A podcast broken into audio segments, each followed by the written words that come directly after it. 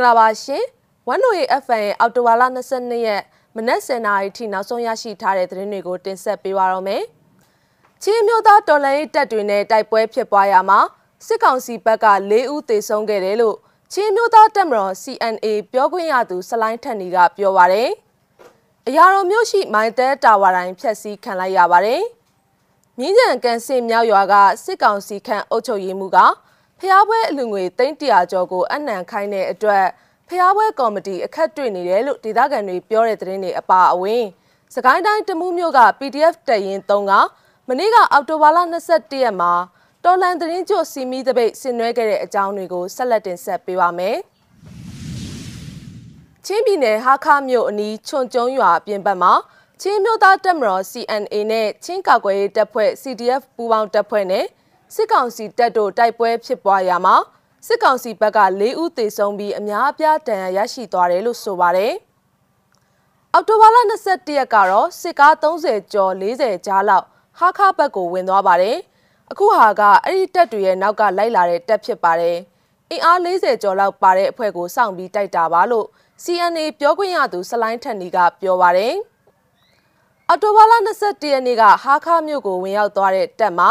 အမျိုးသမီးတွေနဲ့ကလေးတွေပါပါဝင်ကြောင်းသိရပြီးစစ်တီတွေကိုထိန်းချုပ်ဖို့မိသားစုတွေကိုတစားကန်အဖြစ်ခေါ်ဆောင်လာတာဖြစ်နိုင်တယ်လို့သူကသုံးသပ်ပြောဆိုပါတယ်။ဖလန်းမြို့ကနေဟာခါမြို့ကိုခြိတက်လာတဲ့စစ်ကောင်စီတပ်တွေဟာ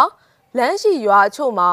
နေအိမ်နဲ့ဖျားเจ้าတွေကိုမီးရှို့တာပစ္စည်းတွေကိုလူရက်ဖျက်ဆီးတာတွေကိုလည်းကျူးလွန်ခဲ့တယ်လို့သိရပါတယ်။အရာတော်မြို့နယ်အောင်တာကုန်းကျေးရွာအနီးရှိစေအုပ်စုပိုင်မိုင်တဲတာဝါတိုင်းတစ်ခုကို အော်တိုဘာလ21ရက်နေ့လယ်3:20မိနစ်အချိန်လောက်မှာအရာတော်ဘုံနိုင် PDF ABN PDF အဖွဲ့နဲ့တပင်းညိုပျောက်ကြားတပ်ဖွဲ့တို့ကဖောက်ခွဲဖျက်ဆီးခဲ့တယ်လို့သိရပါတယ်။အရာတော်မြို့နယ်ရှိစေအုပ်စုပိုင်းမိုင်တဲတာဝါတိုင်းဖျက်ဆီးခံလိုက်ရတဲ့ရုပ်တံကိုလည်းဖွင့်ပြခြင်းပါတယ်။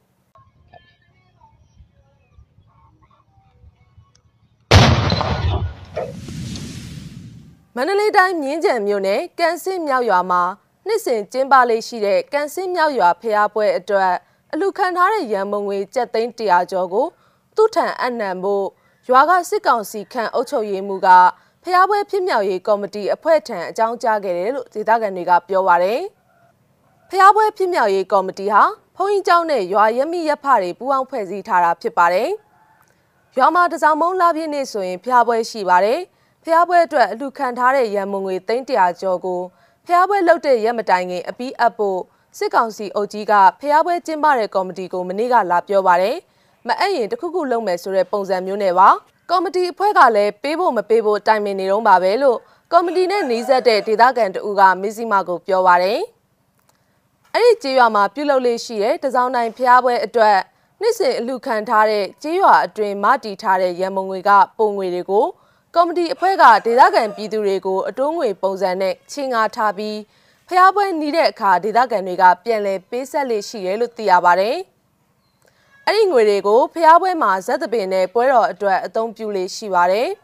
။ဒါအပြင်ကန်စစ်မြောက်ရွာမှာစစ်ကောင်စီတပ်တွေအတွက်စားတောက်စရိတ်အတွက်ဆိုပြီးတာမန်အိမ်တအိမ်တောင်ကို3000ကောက်ပါတယ်။ထွန်ဆက်ထော်လာကြီးတွေရှိတဲ့အိမ်ဆိုရင်9000ကိုလစဉ်ကောက်တယ်။ နောက်ပြီးတော့ဈေးတစ်ခါထွက်ဝယ်ရင်ထောက်ခံစာအတွက်1000ကောက်ပါတယ်။သူတို့သတ်မှတ်ချင်တယ်လို့သတ်မှတ်တဲ့ဒဏ်ကြီးကို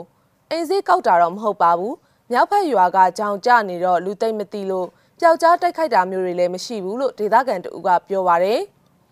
ရွာအတွင်းနှာခေါင်းစည်းမတ်မတက်စင်သူတွေမတ်ညစ်ပင်နေသူတွေကိုလည်းဒဏ်ကြေးတွေကောက်ခံလေးရှိသလိုမြို့ပေါ်မှာရွာတဲကိုညနေ9နာရီနောက်ပိုင်းမှပြန်လာသူတွေကိုလည်း ဒဏ်ကြေးမျိုးမျိုးကောက်ခံလေးရှိတယ်လို့ဒေသခံတူကပြောပါရယ်